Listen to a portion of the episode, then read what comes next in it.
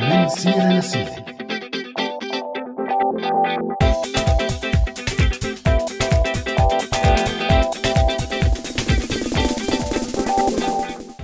أوقاتكم سعيدة مستمعي راديو سوريالي وكل عام وأنتم بألف خير وبنتمنى أنه رمضان يمن عليكم بالصحة والسلامة. ومثل كل الإعلام بالكرة الأرضية دائما هي المناسبات والأعياد والأشهر الفضيلة بيكون في دائما تخصيص لحلقات مرتبطة بالموضوع. وما رح نقدر نفصل حلقة اليوم عن حياتنا بأوروبا والشيء اللي عم نعيشه بأكثر من مستوى. فخلال حياتنا ببلداننا العربية وبسوريا بالنسبة لنا أنا وهمام مثلا كتير سمعنا قصص عن أوروبا وتقييد الحريات الدينية. بس الحقيقة ما لقينا هذا الشيء أبدا ونحن حاليا لاجئين بأم الدول العلمانية فرنسا. ما لقينا هي الحرب الشعواء يلي كنا نسمعها بفيديوهات اليوتيوب تبع المشايخ أو بأشرطة الكاسيت تبع التكاسي. فبمنطقتنا وبمواقع الإنترنت الإسلامية بيتم تعريف العلمانية بفصل الدين عن الدولة أو فصل الدين عن الحياة كلها وهذا يعني الحكم بغير ما أنزل الله. وبيقولوا كمان أنه العلمانية من الجانب الأخلاقي بتعني الانفلات والفوضى بإشاعة الفاحشة والرذيلة والشذوذ والإستهانة بالدين والفضيلة إلى آخره من هي الدباجة وهي نحن بثالث رمضان بفرنسا أم العلمانية وما شفنا من هذا الشيء على الأقل بصورة جماعية. بس يمكن يكون في حوادث فردية أو بالأكيد في حوادث فردية. بس هل يا ترى هذا الشيء مرتبط ببنية وكيان العلمانية؟ يا ريت تتركوا لنا تعليقات على الساوند كلاود برأيكم أو حتى برسائل إذا عندكم أي تعليق على الموضوع. على كل حال في كتير اليوم من المشايخ حتى السلفيين والمتطرفين منهم يلي بلش رأيهم يصير أكثر لين مع العلمانية. أو خلينا نقول أنه يكون أقل تطرف تجاه العلمانية. وبنذكر منهم حفيد مؤسس الإخوان المسلمين طارق رمضان يلي صرح بعدد من المقالات واللقاءات أنه ما معارض لكل فكرة العلمانية. فبأحد اللقاءات بيقول لا بطبيعة الحال كنت أود أن أقول أن التميز بين السلطات لا سيما التميز بين سلطة الدولة والسلطة الدينية أمر صائب ويجب الدفاع عنه. ويجدر بالذكر أني أدافع عن هذا الاتجاه في مذهبنا الإسلامي. كما أؤكد أن الإسلام أسس تاريخيا لهذا التميز في الحقوق. كأنه شطينا كتير برا الموضوع ويمكن تجينا مسباتها بقى خلينا نرجع لصلب الموضوع. والله حق معك. الموضوع رمضان بالدول الأوروبية والعلمانية مستمعينا إذا شدكم الموضوع بيسعدنا تتابعونا وتتركوا لنا تعليقات وآراء ومشاركات. أنتم معنا على هوا سوريالي.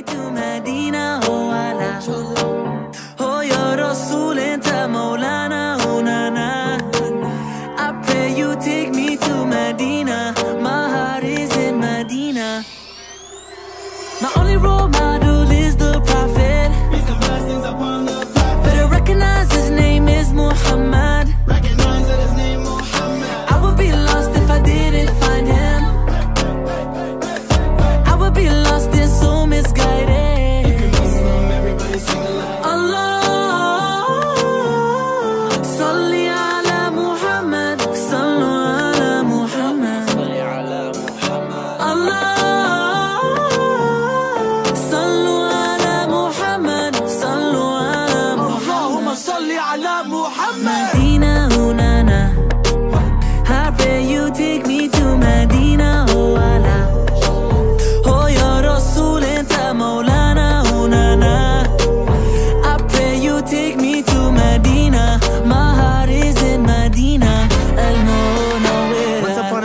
just known as Yathrib. 7th century he made the hijrah for that message. He arrived, everyone rejoiced he was accepted. The Ansar celebrated, vowed to protect him. Ya Rasulullah, you're the one our hearts connect to. Love you like Bilal did, radiyallahu anhu. The connection so strong I know I haven't met you. I'ma pray, I'ma pray, I'ma see you in my dream one day.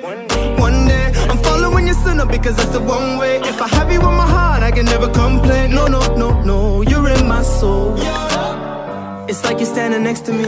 You're in the hearts and you live amongst the spiritually. And I'm praying I can carry on your legacy. Waiting for the day I'm in that shit never will. In Medina, oh na na. I pray you take me to Medina, oh Allah. سؤال حلقتنا لليوم مستمعينا. شو هو أكثر الطقوس الرمضانية السورية يلي بتحبوا تعرفوا عليها الناس بالبلدان اللي انتو فيها؟ ولا تجاوبوا على سؤالنا لليوم. تقدروا تتواصلوا معنا على صفحاتنا على مواقع التواصل الاجتماعي فيسبوك وتويتر أو من خلال رسالة صوتية أو مكتوبة على الرقم 00962 7798 512 10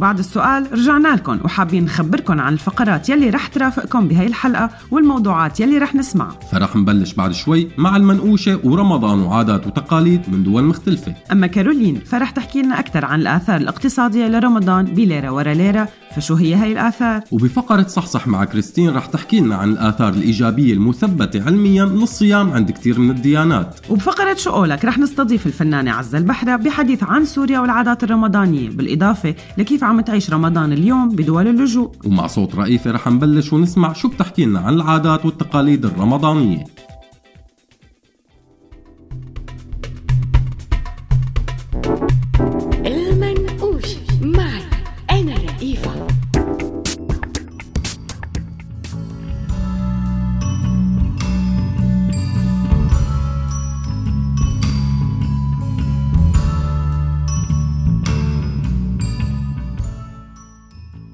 وجينا وجينا وجبنا عاداتنا وجينا. الحقيقة مع الهجرات عبر التاريخ واللجوء الحديث إجت هي الشعوب وجابت معها كتير من العادات والتقاليد. واليوم كتير من المسلمين صاروا جزء من المجتمعات الأوروبية. لتكون على سبيل المثال الديانة الإسلامية بأوروبا هي الثانية بعد المسيحية بحسب كتير من الدراسات والمقالات. وأنا يلي كنت مفكرة إنه هدوء والتنظيم الجزئي تبع الدول الأوروبية رح يخليني ما أسمع زمامير السيارات قبل الإفطار والناس المعصبة يلي عم تتحجج بالصيام وتقول اللهم إني صائم والحقيقة بيكون بعض الصايمين عم بيقول بقلبه على كل حال جينا وجبنا طقوس رمضان معنا. وتحولت دكاكين الأتراك لتجيب الخبز اللبناني مثل ما بيقولوا. والمغاربة صاروا يجيبوا الطحينة تبعنا من لبنان وسوريا ورح تتحول شوارع محددة بكتير من المناطق بعدد من المدن الأوروبية لمسرح من مسارحنا بكل تفاصيلها. مع الغربة والبعد عن الأهل والأقارب بعض الجاليات السورية بكتير من المدن صارت تعمل تقاليد إفطار مشترك بمحاولة لتشكيل عائلة صغيرة بعيدة عن الوطن. بس هلأ رمضان ما رح نفوت بالهم والغم. مشان هيك نحن بمنقوشة اليوم ما رح نضل بأوروبا. رح نروح نشوف العادات والتقاليد الرمضانية حول العالم. فحولوا معنا.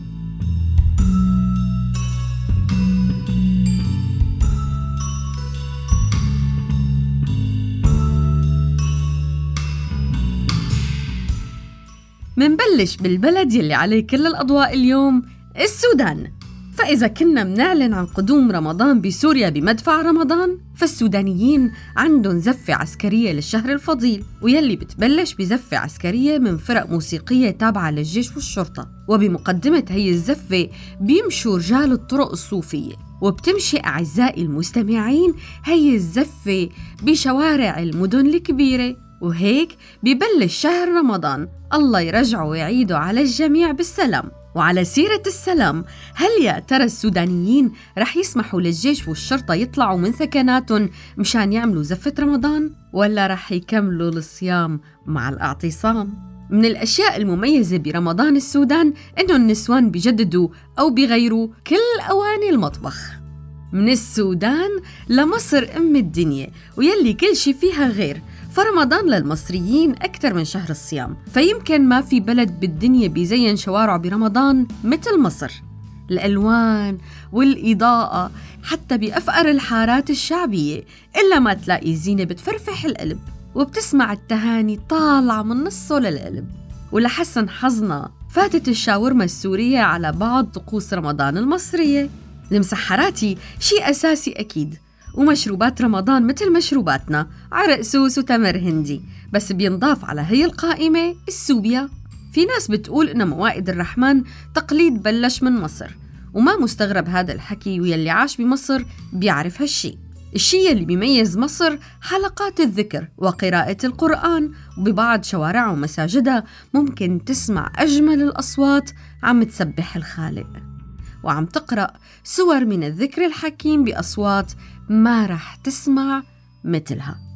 ومن رمضان مصر منروح على تركيا الجارة الشمالية لسوريا ويلي صار فيها كتير سوريين ما عم بحسوا بالغربة برمضان لتقارب كتير من العادات والتقاليد. بس أكيد في فروق.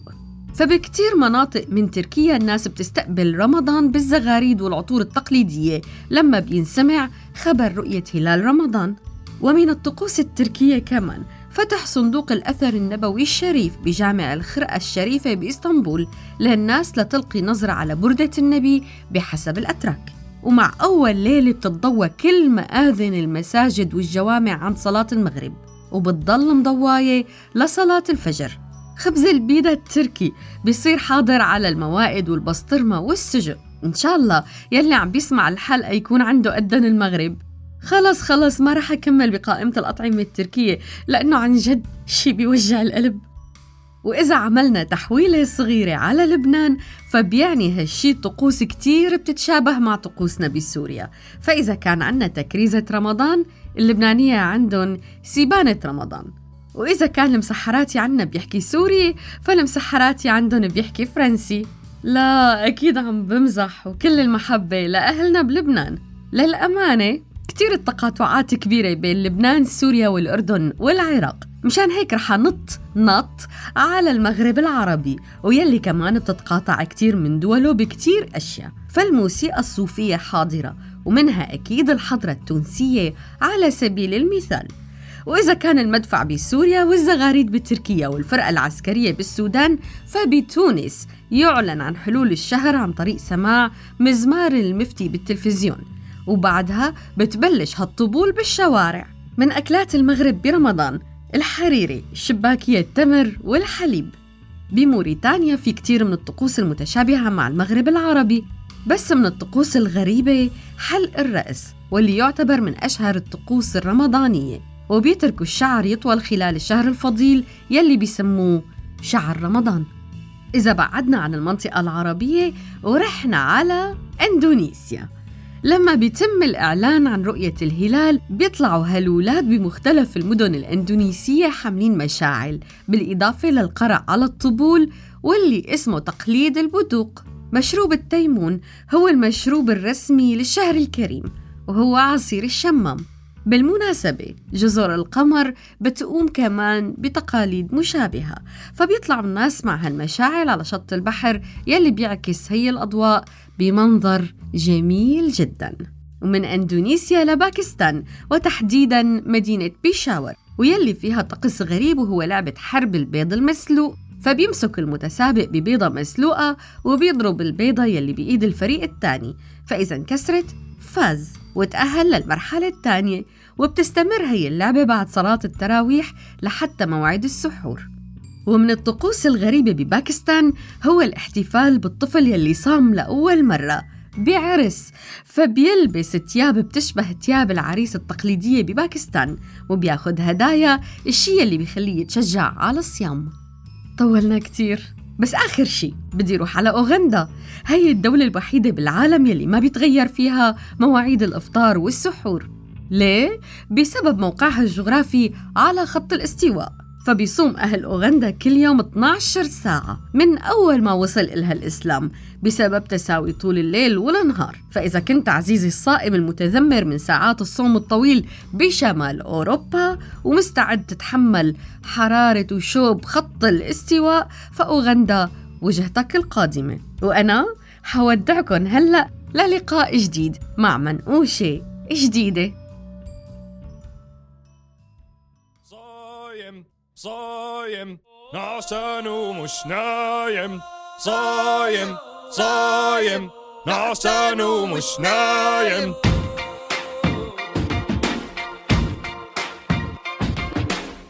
معصب أنا مخنوق ومقهور لأنه راح علي اليوم السحور. بيض وجبنة قلي وما صحاني علي. راح اضل لوقت الفطور راسي من الجوع بلف بدور. جسمي بغلي غلي كله بسبب علي. في دوخة بلشت أتعب. كبست معي راح اعصب مفيش قهوة مفيش دخان. ولا في مية كمان. نهار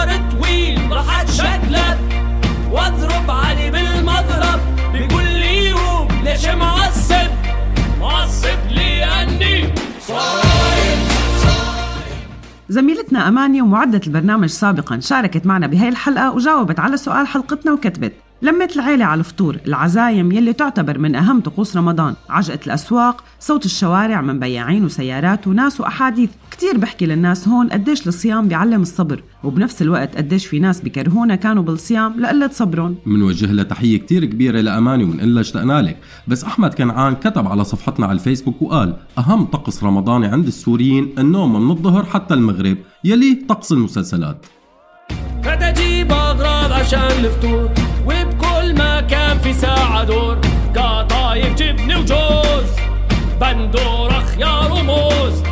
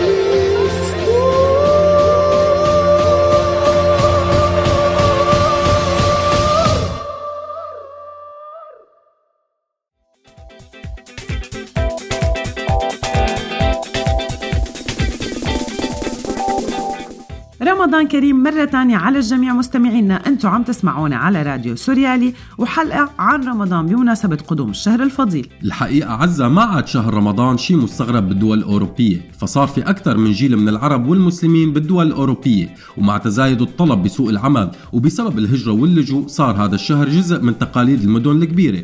فممكن نشوف حارات كاملة ومناطق كاملة حوالين باريس أو برلين أو ستوكهولم بتتحول الشوارع فيها لطابع إسلامي. فيه البهجة والفرح يلي كنا نلاقيهم ببلادنا برمضان. طبعا مع تحميل من نية الصايمين بأوروبا لأخواتهم بمناطق تانية عن طول ساعات الصيام بالمقارنة مع بقية الدول يلي وصلت مثلا ببعض السنوات بالسويد ل 21 ساعة بينما بيصوموا الشرق أوسطيين 9 ساعات أو أكثر ندفة ومع جية رمضان بيرجع الجدل القديم الجديد عن فتوى من دار الإفتاء المصرية يلي بتسمح للناس يلي بيعيشوا بالمناطق يلي فيها نهار طويل كتير أنه برمضان يفطروا بتوقيت مكة. طبعا في ناس حبت هذا الشيء وأكيد في كتيرين رافضين مبدأ الالتزام بالنص الديني. ومو الالتزام بفتوى طلعت بال 2009 على كل حال همام هلا عم يحضرني شيء بتذكره منيح من لما كنت بسوريا. خطب كنا نسمعها وعناوين هيك عن الغرب الكافر وعدم احترام الأخلاق والذي منه. الحقيقة نحن سافرنا عدة مرات على أوروبا قبل الثورة واللجوء وكان عندي إحساس إنه جزء كبير من هذا الحكي ما مزبوط.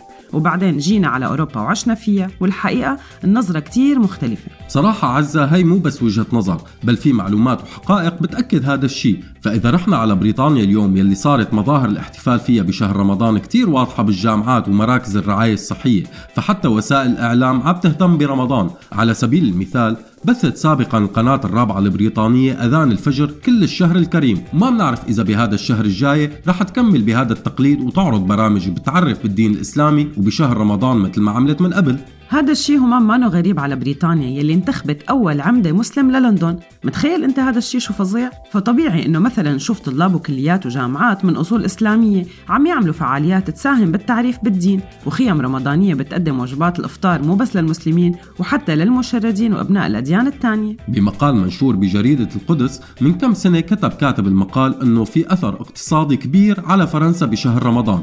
فبحسب المقال الاقتصاد المحلي بيربح أكثر من 350 مليون يورو نتيجة زيادة حجم الاستهلاك المسلمي فرنسا يعني هالشهر كريم على الفرنسيين. على كل حال ما رح نتوسع بالموضوع لأنه كارولين رح تحكي عنه أكثر بعد شوي. بس من أشهر الشغلات يلي بتصير برمضان بفرنسا هي موائد الإفطار بمسجد باريس الكبير. ويلي على الرغم من هذا الشيء كتير من المسلمين ما بيضلوا بفرنسا وقت رمضان. فبحسب مقال تاني بيتقاطع مع مقال القدس العربي إنه بس 65% من المسلمين بيقضوا شهر رمضان بفرنسا بينما جزء كبير بفضل يرجع على بلادهم. بس للأسف ما بيحدد المقال إذا هي النسبة بس من الحاصلين عن الجنسية الفرنسية أو لا. وهي رجعة لبلادهم وخاصة على بلاد شمال إفريقيا والمغرب العربي بتتيح لهم الفرصة لأنه يعملوا عمليات ترميم وتجديد لمحلاتهم وخاصة محلات الأكل. وفي جزء من أصدقائنا الفرنسيين بينتظروا رمضان بفارغ الصبر والسبب هو الحلو الرمضاني. هي الحلويات يلي ما بتفوت بس على بيوت الفرنسيين من الأصول العربية بل حتى على بيوت الفرنسيين يلي عندهم الرغبة بالاطلاع على ثقافات تانية. خلينا نروح من فرنسا لألمانيا ومهرجانات رمضان.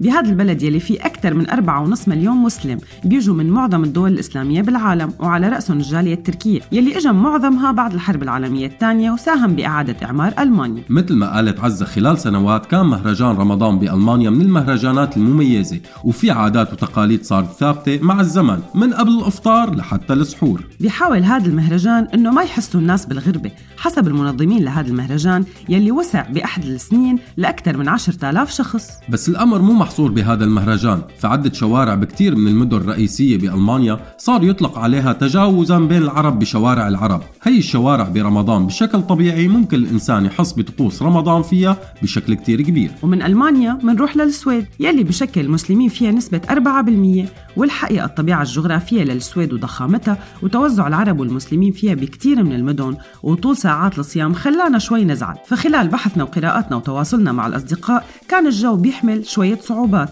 وما في كتير حراك مثل بقية البلدان. طبعا هذا الشيء ما بيمنع وجود بعض المحلات وبعض التقاليد الرمضانية الحلوة بس الحديث كان دائما عن ساعات الصوم الطويلة وساعات العمل الطويلة وبما أنه ما في وقت خاص للمسلمين بهذا البلد هالشيء أثر سلبا على الناس خاصة خلال رمضان. وبتختلف وجهات النظر بتعاطي السويديين مع الصايمين. ففي رفقات قالوا لنا إنه الزملاء من غير المسلمين بيحرصوا على إنه ما يشربوا أو ياكلوا قدامهم تضامنا معهم. وفي أشخاص تانيين قالوا لنا إنه ما في كتير هذا التعاطف. بينما في ناس قالوا إنه بعض مدراء الشركات بيعملوا بآخر الشهر عشاء خاص لجميع الموظفين المسلمين وغير المسلمين. ليحتفلوا بختام شهر رمضان. شكله فرحان هذا المدير بنهاية الشهر.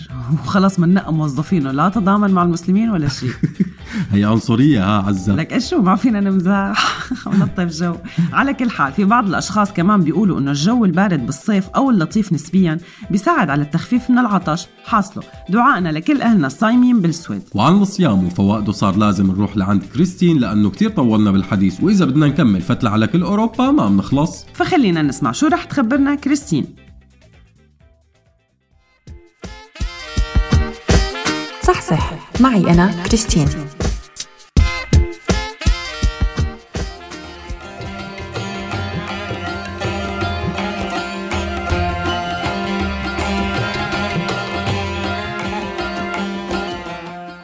مرحبا من جديد. معي أنا كريستين وصحصح. اليوم رح أحكي عن الصيام مو بس كجزء من عدد كبير من الأديان السماوية والغير سماوية يلي بتمارس هذا الطقس الديني بل رح نحكي عن الصيام بشكل عام وفوائده.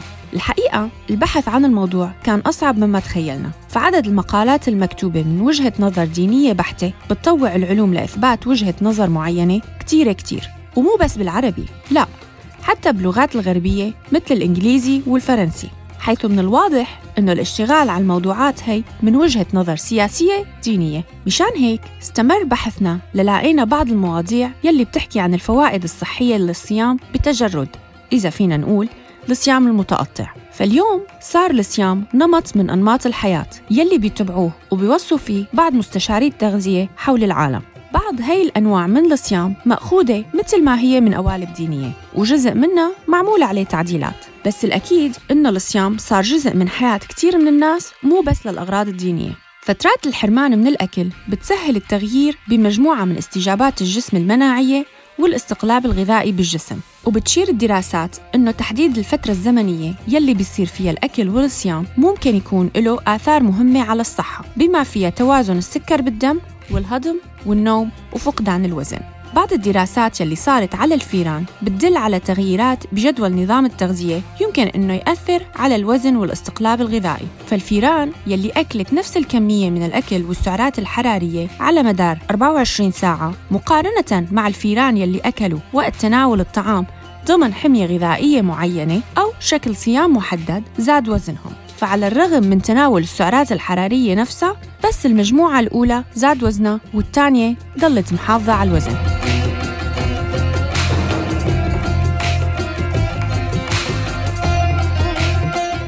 وبتدل دراسة بإحدى المواقع الإيرلندية إنه فترات الصيام بانتظام لمدة بين 12 ل 16 ساعة باليوم ممكن يكون لها تأثير كتير كبير على وزن الجسم. والشي الغريب إنه النتائج كانت نفسها بغض النظر عن نوع النظام الغذائي يلي عم يتناولوه الأشخاص يلي انحطوا بهي الدراسة. حتى لما كانوا عم يتبعوا نظام غذائي غني بالدهون وعالي بالسكر.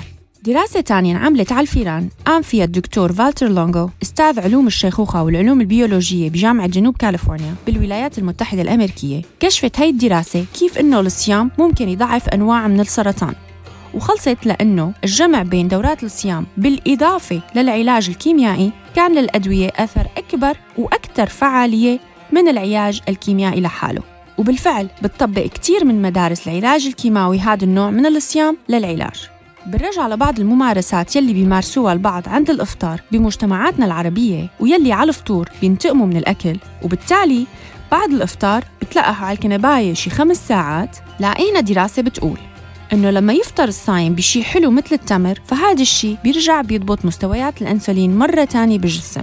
وبيرجعها لوضعها الطبيعي والشي اللي رح يخليك ما تاكل بشكل مبالغ فيه. وكوب كبير من المي بيساعد على ترطيب الجسم فوراً وكمان بيقلل من كمية الأكل يلي ممكن ياكلها الشخص. بالآخر بدي أقول إنه الصيام عبر التاريخ بكل الأديان والمعتقدات كان طريقة للعلاج بالإضافة لكونه طقس ديني فصوموا تصحوا. وأنا بتمنى للكل رمضان مبارك وصيام مقبول للجميع. باي!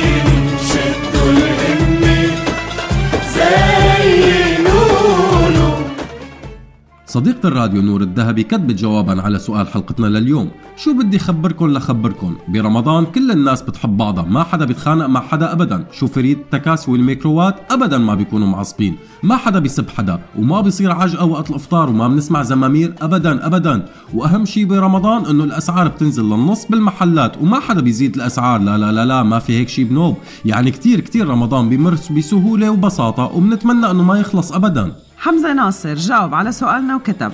شو بدنا نعرفهم ونخبرهم؟ إذا في منهم مفكرين إنه نحن بعيد الأضحى بنذبح الخرفان وبنرميهم بالشارع. كطقس من طقوس التقرب من الله. حيران شوف اللي اهتدى غشران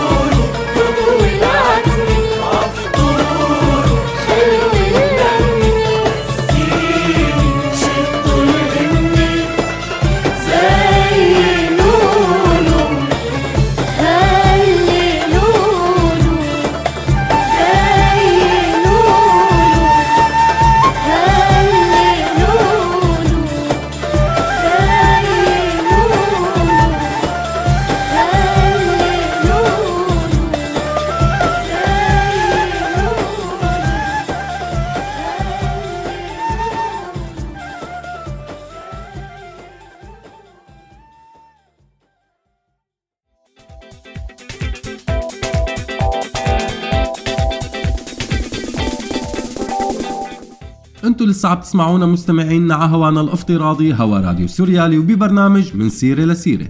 وموضوع الحلقة رمضاني بامتياز بمناسبة الشهر الفضيل. ورح نكمل شوي بعد ما حكت كارولين عن الاقتصاد ورمضان ونجيب حكاية من حكايات رمضان بفرنسا. فالعلاقة بين الإسلام والحريات بفرنسا علاقة قديمة كتير من أيام ما كانت فرنسا إمبراطورية ولطالما كانت النقاشات الكتير المتعلقة بالإسلام والغرب تنطلق من فرنسا العلمانية. مزبوط يا همام ولندور أكثر بالموضوع. لجأنا لعدد من المواقع والكتب. كان أبرزها دراسة منشورة ب The National Bureau of Economic Research المكتب الوطني للأبحاث الاقتصادية بكامبريدج ولدراسة تانية منشورة بجامعة بريطانية للباحثة ميليسا بيرنس الحكاية اللي رح نحكيها بهي الفقرة بتخلص بأيار من سنة 1953 لما استضافت مجموعة من السياسيين والقادة الاجتماعيين الفرنسية سلسلة من الاحتفالات الرمضانية مثل إشارة أو تكريم لأعداد المهاجرين المسلمين يلي عم يتزايدوا من شمال إفريقيا. وكان بهذا الوقت كتير غريب أنه تحتفل السلطات المدنية بالجمهورية الفرنسية العلمانية بشكل علني بعطلة إسلامية. ومو بس هيك فتم إطلاق نيران المدافع بليالي الأولى والأخيرة من شهر رمضان المبارك وكمان ليلة القدر وهون القصة ومربط الفرس. فالإمبراطورية الفرنسية كانت دائما متسامحة من جهة العلمانية مع المسلمين تاريخيا لدرجة أنه في أحد الكتاب وصف فرنسا بكونها قوة إسلامية خلال حملات الحرب الجزائرية. وفينا نشوف كيف أنه الإمبراطورية الفرنسية ساعدت على بناء المساجد والمراكز الإسلامية. والمو غريب أنه هاي التحركات كانت دائما ترتبط بجوانب سياسية أو اقتصادية خفية. فمثلا كثير من التسامح هاد تزامن مع حراك القوميين الجزائريين ليحصلوا على الاستقلال بأواخر الخمسينات. من جهة تانية على الرغم من الصورة السلبية اللي بيحاول كثيرين ينشروها عن العلمانية فتعريف الجمهورية الفرنسية لعلمانيتها رفعت شعار الحرية الدينية وما كان الشعار التحرم من حرية الدين وهذا الشيء من المهم الإشارة إله. أكيد همام مهم نشير له بس كمان مشان ما نطلع كتير عن الحلقة لازم نخبي لحلقات جاية؟ أمرك ستنا بس مشان كمان كمل الفكرة أنه العلمانية كانت تأكد على ربط كل فرد مباشرة بالجمهورية نفسها بدون أي وسيط أو مجموعة أو تجمع. وهيك ممكن نلاقي مدخل لكيف تعامل الفرنسيين مع الإسلام بأوقات لاحقة. على كل حال بيوم من الأيام راهنت فرنسا على أنها قوة إسلامية وكان نابليون هو أول من استند لهي الفكرة خلال حملاته المصرية ويلي زاود فيها على المماليك وأعلن عن حبه للإسلام وللقرآن وقال نحن الفرنسيون أصدقاء حقيقيون للمسلمين. هذا الشيء اتطور لاحقا وطالب بعض مفكري فرنسا أنه تكون فرنسا قوة إسلامية كوسيلة لتبرير الحكم الفرنسي بإفريقيا والشرق الأدنى. وصل الشي بنابليون ليقول هي الخطبة أيها المشايخ والقضاة قولوا لأمتكم أن الفرنساوية هم أيضا مسلمون مخلصون وإثبات ذلك أنهم قد نزلوا في روميا الكبرى وخربوا فيها كرسي البابا الذي دائما يحث النصارى على محاربة الإسلام. طوبى ثم طوبى لأهالي مصر الذي يتفقون معنا بلا تأخير فيصلح مالهم وتعلى مراتبهم طوبى أيضا للذين يقعدون في مساكنهم غير مائلين لأحد من الفريقين المتحاربين. لكن الويل كل الويل للذين يعتمدون على المماليك في محاربتنا فلا يجدون بعد ذلك طريقا إلى الخلاص ولا يبقى منهم أثر. خلال بحثنا مرينا على مقال على موقع بي بي سي عربي بيحمل عنوان هل أسلم نابليون سرا في مصر؟ ممكن تتوسعوا بالطريقة يلي فات فيها الإمبراطور الحالم لأرض الكنانة. الحقيقة مقال جميل جدا. منكمل هلأ بالدراسة يلي بلشنا فيها همام ويلي بتقول إنه المسؤولين الفرنسيين بهداك الوقت كان عندهم هدف بناء الإسلام الشرقي المعتدل كواجهة لإسلام فرنسي عصري ومستنير مبني على أساس من السكان المسلمين المتسامحين يلي كانوا بمثابة حصن ضد المتعصبين. بعد الحرب العالمية الأولى ردت رجعت صورة فرنسا كقوة إسلامية جزئيا مشان يتم الاعتراف بالدور الحيوي يلي لعبته القوات ذات الأصول الإسلامية بالصراع. هذا الشيء خلى بيير جودين رئيس مجلس مدينة باريس بهداك الوقت يقول فرنسا ما عادت مجرد دولة أوروبية قديمة بل صارت إمبراطورية وعلى الأخص أمة إسلامية عظيمة. وكجزء من هذا المشروع تم بناء المسجد الكبير بقلب باريس وبعدها تم بناء مستشفى ومقبرة للمسلمين. هذا الوجه المسلم لفرنسا اجى بمواجهة الحركات يلي عم تطلع ضد الإمبراطورية. ورغم أنه فرنسا الإمبراطورية ما كان عندها مشكلة أبدا تتخلى عن كتير من المستعمرات القديمة بس ما كانت مستعدة أبدا تتخلى عن الجزائر. وبسبيل الحفاظ عليها زادت من تحسين عمل المهاجرين الجزائريين وصحتهم وسكنهم هلأ صحيح حرمتهم من كتير حقوق تانية بس نحن عم نسرد هلأ وقائع تاريخية بتصب الشيء يلي عم نقوله. أكيد كان الدين عنصر أساسي من هي المحاولات الفرنسية. احترام الدين وإفساح المجال للممارسات الدينية الإسلامية بكل أنحاء الإمبراطورية وخاصة بالعاصمة العلمانية فتم تأمين أموال كبيرة لإصلاحات ضرورية بمسجد باريس وانحطت تحت عنوان نفقات العمل الاجتماعي المرتبطة بأحداث بالجزائر. تخيلوا أنه اليوم الدولة ما بترمم كنيسة تاريخية مثل نوتردام دو باريس.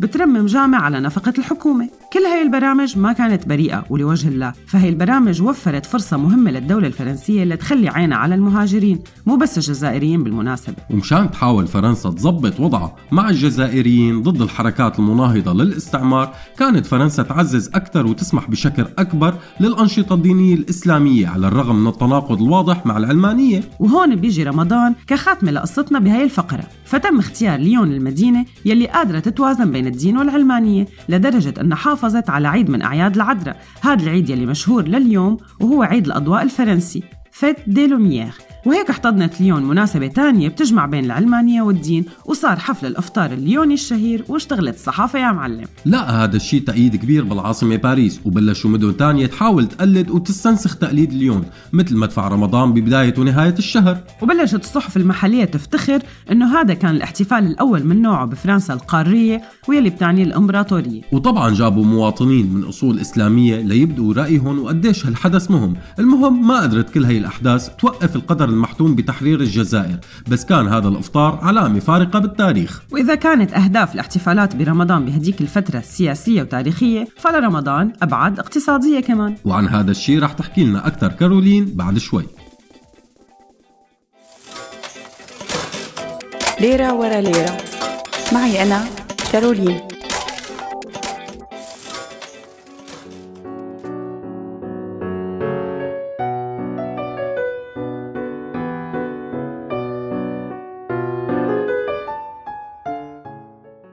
مرحبا. كل عام أنتم بخير بمناسبة قدوم شهر رمضان. رمضان شهر عبادة للمسلمين حول العالم. بس مع هي العبادة والاحتفالات يلي بترتبط فيه فهو شهر اقتصادي بامتياز. شهر له أثره الاقتصادي والاجتماعي على العالم كله. وبيمتد مو بس بشهر رمضان بل بيمتد على السنة كلها. كيف؟ إذا منبلش بالدراما الرمضانية فالدرامات العربية بكل قومياتها هي عنصر مهم بالاقتصادات بهي البلدان وهي بضاعة غالية نسبياً بيتم التحضير لإلها أحياناً لسنين لتنباع بهذا السوق يلي بيشبهه البعض بسوق عكاظ أعداد هائلة جدا من الكتاب والمخرجين والفنيين الممثلين والكومبارس بيشتغلوا خلال سنة كاملة ليلحقوا هذا الشهر. شركات إنتاج وتسويق وحتى أحيانا علاقات سياسية واقتصادية بتفوت بهي الأعمال الفنية الرمضانية. بينعكس هذا الشيء بشكل مباشر على الحملات الإعلانية جوات هي المسلسلات ويلي بتأثر على شكل الشراء تبع المواطن خلال السنة كاملة حسب بعض الدراسات الاقتصادية المتعلقة بالموضوع. والسبب هو تكرار هي الإعلانات بطريقة يومية ومبرمجة فبيكون الإعلان برمضان أقوى بكتير من الإعلان خارج أي وقت تاني بما فيها الإعلانات داخل المباريات الرياضية. فتخيل يا رعاك الله. هاي المسلسلات بعدين رح ينعاد شرائها وبيعها وشرائها لأقنية أخرى بعد العرض الأول. وبالتالي الربح المباشر والأول يلي تحقق خلال رمضان رح يعاد تكريره مع قنوات أصغر رح تبث هاي المسلسلات خلال السنة كاملة أو السنوات يلي بتليها. من جهة تانية فالكتب الدينية بتلاقي رواج كبير بالشهر الفضيل. فجأة بيوعى جزء كتير كبير من مواطنينا للقراءة والدين فبتزيد بشكل أو بآخر مشتريات بعض الكتب الدينية. وحسب دراسة بمصر ترتفع نسبة بيع المصاحف والكتب الدينية خلال شهر رمضان إلى ما يزيد على 30 أو 35% ومن ضل بمصر فهي الدولة الشقيقة كتير مشهورة الخطوط الساخنة للاستشارات الدينية ويلي جزء منها ليس مجاني والمجاني منها مربوط بدعايات وبالتالي عائد اقتصادي للأقنية وشركات الاتصال. وإذا منترك القصص الكبيرة مثل سوق الأكل والشرب والسهرات الرمضانية وسوق الأراجيل لحاله بالعالم العربي يلي بيساهم 15% من التغيير المناخي أكيد أكيد عم بمزح مو هي هي النسبة. على كل إذا منترك كل هاد ومنروح على التفاصيل الصغيرة. فمثلا زيارات القبور بالأعياد وشراء القاس ووضعه على القبور هذا السوق ما بيجي غير مرتين بالسنة بالعيدين. وأكيد واحد من هالعيدين بعد رمضان.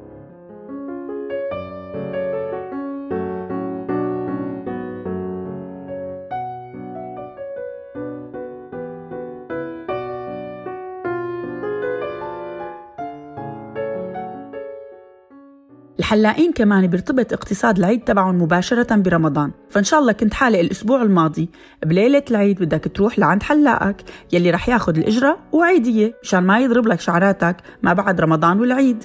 بأوروبا ومع تزايد عدد العرب والمسلمين بهي البلاد لما تفوت على أي من السوبر ماركات الكبيرة رح يطلع لك هلال رمضان ومناطق مخصصة للاستهلاك الرمضاني. بالبداية كانت حصة الأتراك ودول شمال أفريقيا إلها الحصة الأكبر من هذا السوق. لكن العين حولنا وحوالينا بسبب الأوضاع السياسية اللي كلنا بنعرفها وموجات اللجوء صار إلنا حصة. إي والله. وبالتالي صار ممكن تلاقي منتجات موجهة إلك عزيزي المواطن الشرق أوسطي. هون بليرة ورا ليرة بدي أطرح فرصة استثمار غير مكتشفة للمحلات الكبيرة. فلليوم لا Virgin ولا Auchan ولا Fnac ولا غيرها من المحلات نزلوا سيديات للرفاعي أو الشيخ النابلسي أو أغاني إنشاد لفرقة إنشاد المرعشلي أو أبو شعر. والله اشتقت أطلع بشي Uber واسمع شيخنا النابلسي عم بيحكي شي خطبة. على كل حال نرجع منكمل بأوروبا. فصناعات الهدايا والزينة المرتبطة برمضان والأعياد هي شغلة جديدة نسبياً. بس هلأ مع الإنتاج الكبير ال mass production يعني دخلت هي الثقافة بشكل واضح أكثر فمن قبل كان في بس المصابيح وبعض أشكال الإضاءة. اليوم صار في ألوف أنواع الزينة والألعاب المرتبطة بالشهر الفضيل من النخل وصور الخواريف يلي دخلت جديد على ثقافتنا. شيء بيشبه ديك الحبش بالثقافة الغربية يعني. وهذا الشيء خلى في كتير من الصناعات المرتبطة برمضان تكتر. حتى أنه في بعض الشركات عملت أضواء زينة على صور الهلال والنجمة أو شجر النخل شبيهة بالأضواء يلي بتنحط بالميلاد. في كتير ناس ضد إنه يتحول رمضان لمهرجان للتسوق وفي ناس بتلاقي إنه بيعطي بهجة إضافية للشهر وفي ناس وصلت لدرجة إنه لازم يتحرم هذا الموضوع من أصله. على كل حال أنا بليرة ورا ليرة ما رح فوت بكل هذا النقاش وبس حسبت أو ذكرت شوي من الجوانب الاقتصادية وأثرها على الشهر الفضيل. ولهون بكون وصلت لآخر فقرتي بودعكم ورمضان كريم على الجميع.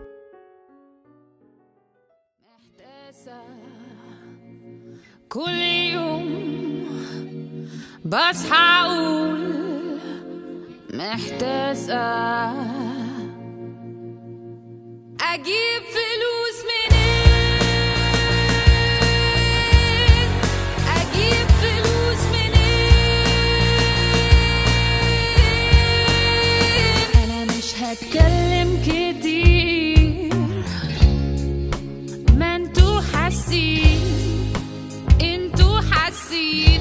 عايشة غليت كده ليه طب أعمل إيه؟ طب أعمل إيه؟ أجيب فلوس منين؟ أجيب فلوس منين؟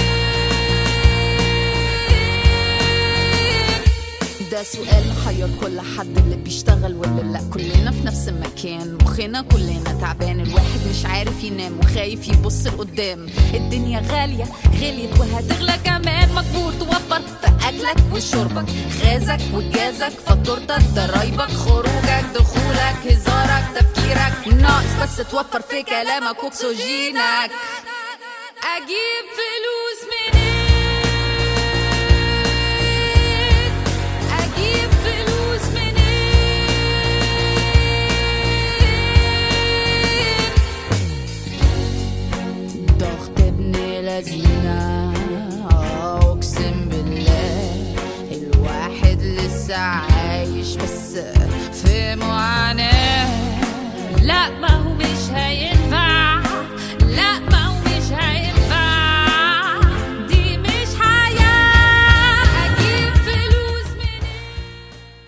ديانا حمدان صديقة الراديو جاوبت على سؤالنا وكتبت لنا. كعادات في كتير شغلات حلوة ببلدنا منها الطعام المتبادل بين الجيران ونزع الخلافات الموجودة بين المتخاصمين لبدء صوم صحيح. وأهم شي لمة العيلة بوقت واحد على السفرة والسهرات مع الأقارب يلي انحرمنا منها. بمدينتنا كان مسجد خالد بن الوليد يزين وينار بشكل رائع وأصوات الأذان ترفع بأجمل الأصوات. في بلادنا أشياء جميلة بالرغم من صغرها ولكن الطاغية بالشار حرمنا منها.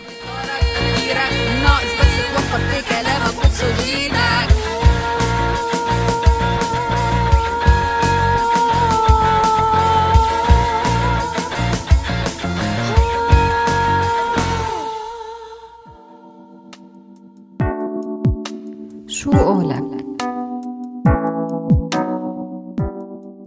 الفنانة عزة البحرة ابنة العائلة المثقفة الأب الصحفي والكاتب والأم الفنانة التشكيلية الاستثنائية. اشتغلت بالصحافة إلى جانب عملها بالتمثيل. وقدرت تلاقي لحالها مكانة بالفن والحركة الثقافية السورية. فكانت مشاركاتها بأهم المسلسلات السورية مثل هجرة القلوب إلى القلوب حمام الإيشاني الفصول الأربعة الهروب أوركيديا بالإضافة للشغل بالسينما. ويلي كان من أدوارها بأفلام مثل ليالي ابن آوى شيء ما يحترق وناجي العلي. مواقفها الفنية والإنسانية ما قدرت تنسدخ عن مواقفها السياسية. هذا الشيء اللي خلاها تكون بشكل واضح وصريح مع الثورة من بدايتها مؤمنة بحقوق الإنسان وبضرورة التغيير. وضوح موقفها من المتغيرات السياسية خلق صدام مع المعارضة السياسية وموقفها من الثورة خلى من الصعب أن تضل بسوريا. وبعد رحلة بعدد من البلدان حط رحالة بالسويد. يمكن نخبي الأسئلة عن كل هي الموضوعات اللي حكيناها لحلقات تانية أو لقاءات أخرى مع السيدة عزة البحرة. بس اليوم لقائنا معها رح يكون عن رمضان.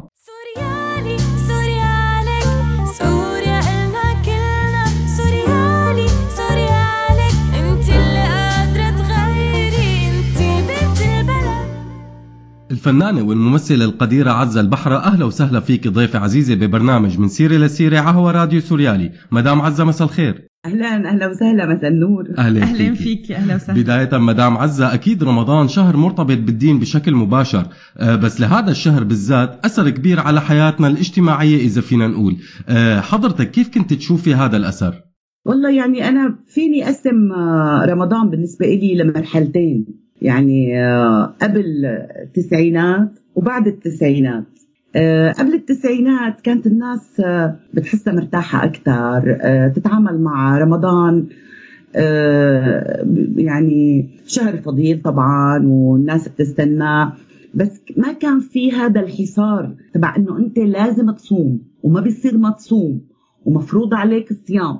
يعني كانت الناس أريح بالتعامل مع شهر رمضان. إنه يعني اللي بيحب يصوم اللي ما بيحب يصوم. هذا موضوع كتير شخصي واختياري. بعد التسعينات صار في هجمة كتير قوية آه، وتطرف وت- وتدين كتير و- والناس ما عادت هيك فقدت آه، تلقائيتها وفقدت عفويتها. وصار ما عاد في عندك خيار يعني أنت يا بدك تكون متدين يا أما أنت منبوذ من المجتمع ومحاصر. وأنا بتصور هذا كتير آه، عمل فعلا حصار على على الناس بشكل آه، آه، بجوز مباشر أو غير مباشر بس يعني تغير كتير شكل رمضان اللي كنا بنعرفه نحن بفترة أنا مراهقتي و- وطفولتي وكتير أخذ شكل هيك قصري طب مدام عزة شو كانت أبرز ذكرياتك عن رمضان بأيام الطفولة؟ والله آه، بالنسبة إلي كان في شغلتين حبهم كتير دائما يلي هن آه، العرقسوس يا سلام. وهذا شو اسمه كان؟ الطبق اللي مثل طباق ينحط عليه الدبس. الناعم؟ ناعم. هذول كانوا يدوخوني يدوخوني يعني استنى رمضان ل... ل... وفي ش... في شغلة تانية الفران كانوا يبيعوها بالمخابز المعروف. هدول ثلاث شغلات أنا بالنسبة لي كثير كثير كثير مرتبطين برمضان. والمشكلة إنه العرق السوس والمعروك والناعم ما بتشوفيهم إلا برمضان. أنا كنت أسأل المحلات دائما إنه لك يا أخي طيب هدول مو مرتبطين بتقاليد سوريا وبسوريا. طب ليه ما موجودين بكل السنة؟ إيه مزبوط. تمام طمنينا على السوس كنتوا تشتروه جاهز ولا تعملوه بالبيت؟ لا شو نعمله بالبيت؟ شغله بالبيت كثير صعب. لا طبعا نشتري نشتري لهلأ بتذكر بالكياس والكيس بربع ليره طيب بدنا ننتقل هلا على ذكريات رمضانية ولكن من نوع تاني. إذا بتخبرينا عن التحضيرات للأعمال الرمضانية اللي كان اللي شو ذكرياتك اللي كنت تتذكريها؟ والله عندي ذكريات كثير مؤلمة لأنه كنا الضغط الشديد يصير قبل رمضان. ضغط الشغل يعني لأنه لما صار الكابوس تبع إنك أنت المحطات بدها تاخذ أعمال لرمضان فصار كل التركيز بهذا الثلاث أشهر الأربعة أشهر تقريبا اللي قبل شهر رمضان. فما بقت يعني بتحس حالك فعلا أشغال شاقة لأنه كل المسلسلات بتفوت تصوير بنفس الوقت وكلنا يعني كله ببلش التحضيرات لشهر رمضان فبيبلشوا بيحسبوا قديش بقيان لرمضان؟ أربعة أشهر. خمسة أشهر. يلا بنلحق. وبيترك كل السنة قاعدين. عرفتي شو؟ طبعا بدك وقت. انت أكيد شركات الإنتاج بدها وقت للمؤلفين يكتبوا سيناريوهات ولحتى يستعدوا. أكيد بدها وقت يعني. بس فعلا كان بالنسبة لنا ضغط شديد شديد. يعني أنا مرات آه، أطلع من آه، من تصوير الساعة أربعة ونص الصبح. نخلص يكون عنا ليلي. آه، ما ألحق أوصل على البيت. ضب غرادي للمسلسل الثاني وظبط أموري ويا دوب اغفل لي نص ساعة أو ساعة ويا دوب هو ممكن معي وروح الساعة سبعة ونص ثمانية على المسلسل الثاني نبلش تصوير. فكتير كانت مرهقة الأمور بالنسبة لنا. للأسف كانت هلأ نحن بنتذكرها بحنين وبتذكرها هيك ب أيام حلوة بحياتنا. هلا لا تصورنا لا برمضان ولا برمضان كان في مسلسلات كمان على هوا ما بتذكر إنه يبلش رمضان ولسه التصوير ما خلص. طبعا كثير أعمال كثير أعمال اشتغلنا فيها. يفوت رمضان وخاصة الأعمال التاريخية اللي بدها تحضيرات كثير و... ويضطروا يفتحوا كاميرا ثانية و location ثاني والممثل تلاقيه مشقف بين هال location وبين هال location يعني يصير تقريبا 20 رمضان ولسه الناس عم تصور تصوري يعني. بس يعني نعم بالله متذكرة بحنين فظيع هذيك المرحلة لأنه هدول نحن الممثلين اللي طلعنا برات سوريا واللي ما عاد اشتغلنا إلا شو بيقولوا النذر اليسير يعني. فصارت بالنسبة لنا هي مرحلة كتير مؤلمة. تماما. للأسف هي ضريبة يعني مو ب... يعني أغلب العالم عم تدفعها ولكن بالأخير يعني هذا هي الحياة. أي نعم. طب آه، مدام عزة قديش تغير عليكي رمضان بعد ما طلعتي من سوريا؟ وشو أبرز الشغلات اللي تغيرت؟ ولشو هلأ إذا بدنا نحكي لشو أكثر شيء بتحني؟ آه، لا تغير كثير لأنه أنت عمليا طلعتي من دول إسلامية يعني طابعها إسلامي لدول آه، طابعها العام غير غير متدين. يعني طبعا في كنايس وبتشوفي أجراس الكنايس وكذا وبتشوفي أعياد بس نحن شهر رمضان متميز ب بطقوسه الاجتماعية بطقوسه اليومية. يعني المحلات كانت تسكر خاصة بالعشر الأوائل من رمضان يعني تمشي بالشوارع ما تشوفي حدا. هون كل دائما بتمشي بالشوارع ما بتشوفي حدا. بس شهر رمضان تحديدا كان له طقوسه. هلأ هون ال ال يعني المسلمين صاروا جماعات متفرقة يعني بتلاقيهم بهالحارة في ثلاثة بهالحارة في أربعة في هونيك بهالمدينة في ثلاثة. يعني ما عاد في آه، آه، طابع عام للمسلمين برمضان. فما عادت في هي الطقوس آه، تبع البياعين تبع الأسواق تبع المحلات. أنا كنت ببيتي بالشعلان إذا بتتذكري عزة. وقف أنا بالبيت آه، شوف ال- العشر أيام قبل قبل آه، ما يخلص رمضان يعني الثلث الأخير من رمضان لما تبلش الاسواق تفتح وهالإضاءة وهالناس عم تغلي كله اللي بده يشتري اغراض بده يشتري أواعي للعيد وكذا. هذا كله ما عاد بتشوفيه يعني. كثير جو مختلف كثير كثير يعني.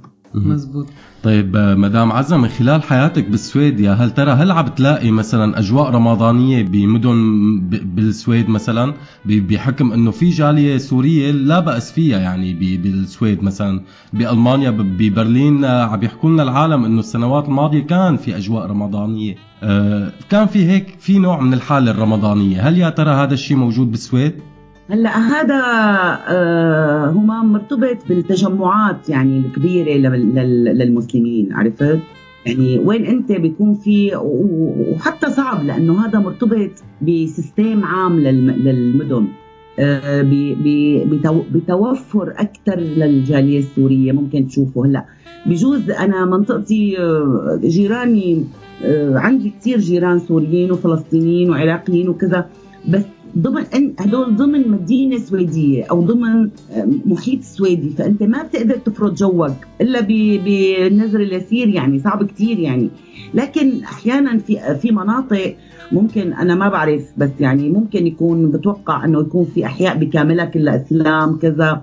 هلأ المد... ال- الأماكن مثلا بفيينا بألمانيا اللي الطابع العام فيها أتراك آه، مسلمين طبعا والسوريين هلا أنا لما زرت برلين أنا من فترة رحنا على شارع اسمه شارع العرب. تماما. إيه هذا كله من أوله لآخره بتفوت على أي محل فيه. الله وكيلك بتفكر حالك بالشيخ الدين الناس اللي فايتة الحكي الأكل ال... مو بس المحل الشارع كله من أوله لآخره بتحسه يعني محلي. هلا هذا ممكن أقول لك إيه ممكن يكون في آه، طقس هيك له علاقة برمضان له علاقة بال بالعادات وال... لكن أنا بمنا... بالسويد بالعموم أنت تجمعات قليلة يعني أنا أنا ما عم بحكي عن ستوكهولم هلأ بستوكهولم ما بعرف ممكن بس أنا ماني عايشة بستوكهولم. بس عم بحكي لك أنا خارج إطار ستوكهولم مرتبط بأنك أنت تجمعات قليلة متناثرة ضمن system سويدي نظام آه، مختلف عنك كليا. فلأ ما ما في حوالي أنا ما في. طب آه، سؤالنا الأخير لإلك اليوم مدام عزة من تجربة عيشك بأوروبا هل برأيك ممكن تأثر العلمانية أو الليبرالية على الطقوس الدينية للأفراد والجماعات؟ لا ابدا لأنه هي ال- العلمانيه هي نظام نظام له علاقة بالدولة آه، بالمواطنة بحقوق المواطن بفصل الدين عن الدولة بال- بالسلطة الشرعية التشريعية بالسلطة القانونية بالسلطة التنفيذية هذا ما له علاقة بالعادات والتقاليد. ما له علاقة بالناس شو بتحب. يعني ال- ال- العلمانية ما بتقدر تقول له لواحد ما بيصير تروح على الجامع أو ما بيصير تروح على الكنيسة أو مو من حقها. العلمانية هي آلية نظام دولة. آه، آه، العلمانية هي إنك أنت كمواطن مسلم أو كمواطن مسيحي لك نفس الحقوق والواجبات تجاه هاي الدولة اللي أنت متواجد فيها. نفس الحقوق ونفس الواجبات. إنك أنت آه، آه، حقك حقك كمواطن آه، سوري أو أو سويدي أو أي مكان تمارس طقوسك وشعائرك ولغتك بالشكل اللي أنت بتشوفه. لكن ضمن إطار هي الدولة. فما بتصور أنا يعني العلمانية صار في لها تشويه كثير بالسنوات الأخيرة وخاصة بعد الثورة. آه، وأنا بتصور هذا الشيء فرضوه ال- ال- ال- المتطرفين الإسلاميين وأنه العلمانية كفر وأنه العلمانية آه، أنه ما بيقدر الواحد يمارس آه، دينه أو يروح على الجامع أو لا لا لا, أبدا أبدا. أنت لك كامل الحرية وكامل الحقوق بأنك أنت تمارس شعائرك وديانتك و- وكل شيء. لكن ضمن إطار آه، قوانين الدولة. يعني أنا سوري آه، مسيحي فيني روح على الكنيسة أو أنا مسلم متدين فيني روح حر أنا. لكن ضمن مثل ما قلت إطار الدولة العام. تماما. نهاية مدام عزة شكرا كثير إلك وشكرا لوقتك وشكرا على الذكريات اللي ذكرتينا فيها عن جد. شيء بشهي كان. الله يسلمك. شكرا كثير لكم وإن شاء الله آه، شو بيقولوا؟ كل عام وأنتم بخير والجميع بخير وسوريا إن شاء الله بنتمنى كلياتنا من قلبنا إنه تكون بخير. وانت بألف خير يا رب وشكرا كثير لك مدام. تحياتي لراديو سوريال شكرا كثير يعطيك العافية. شكرا. سلام. يا مالك القدر.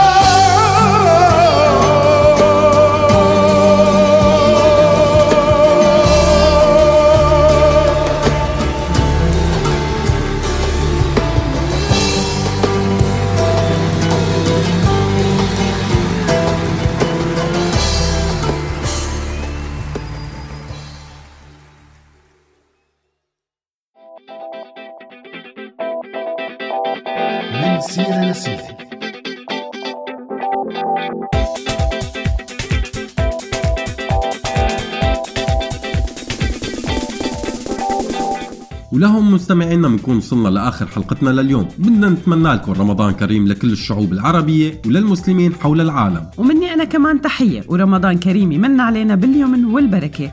كل عام وأنتم بخير. هذا البرنامج من إنتاج راديو سوريالي 2019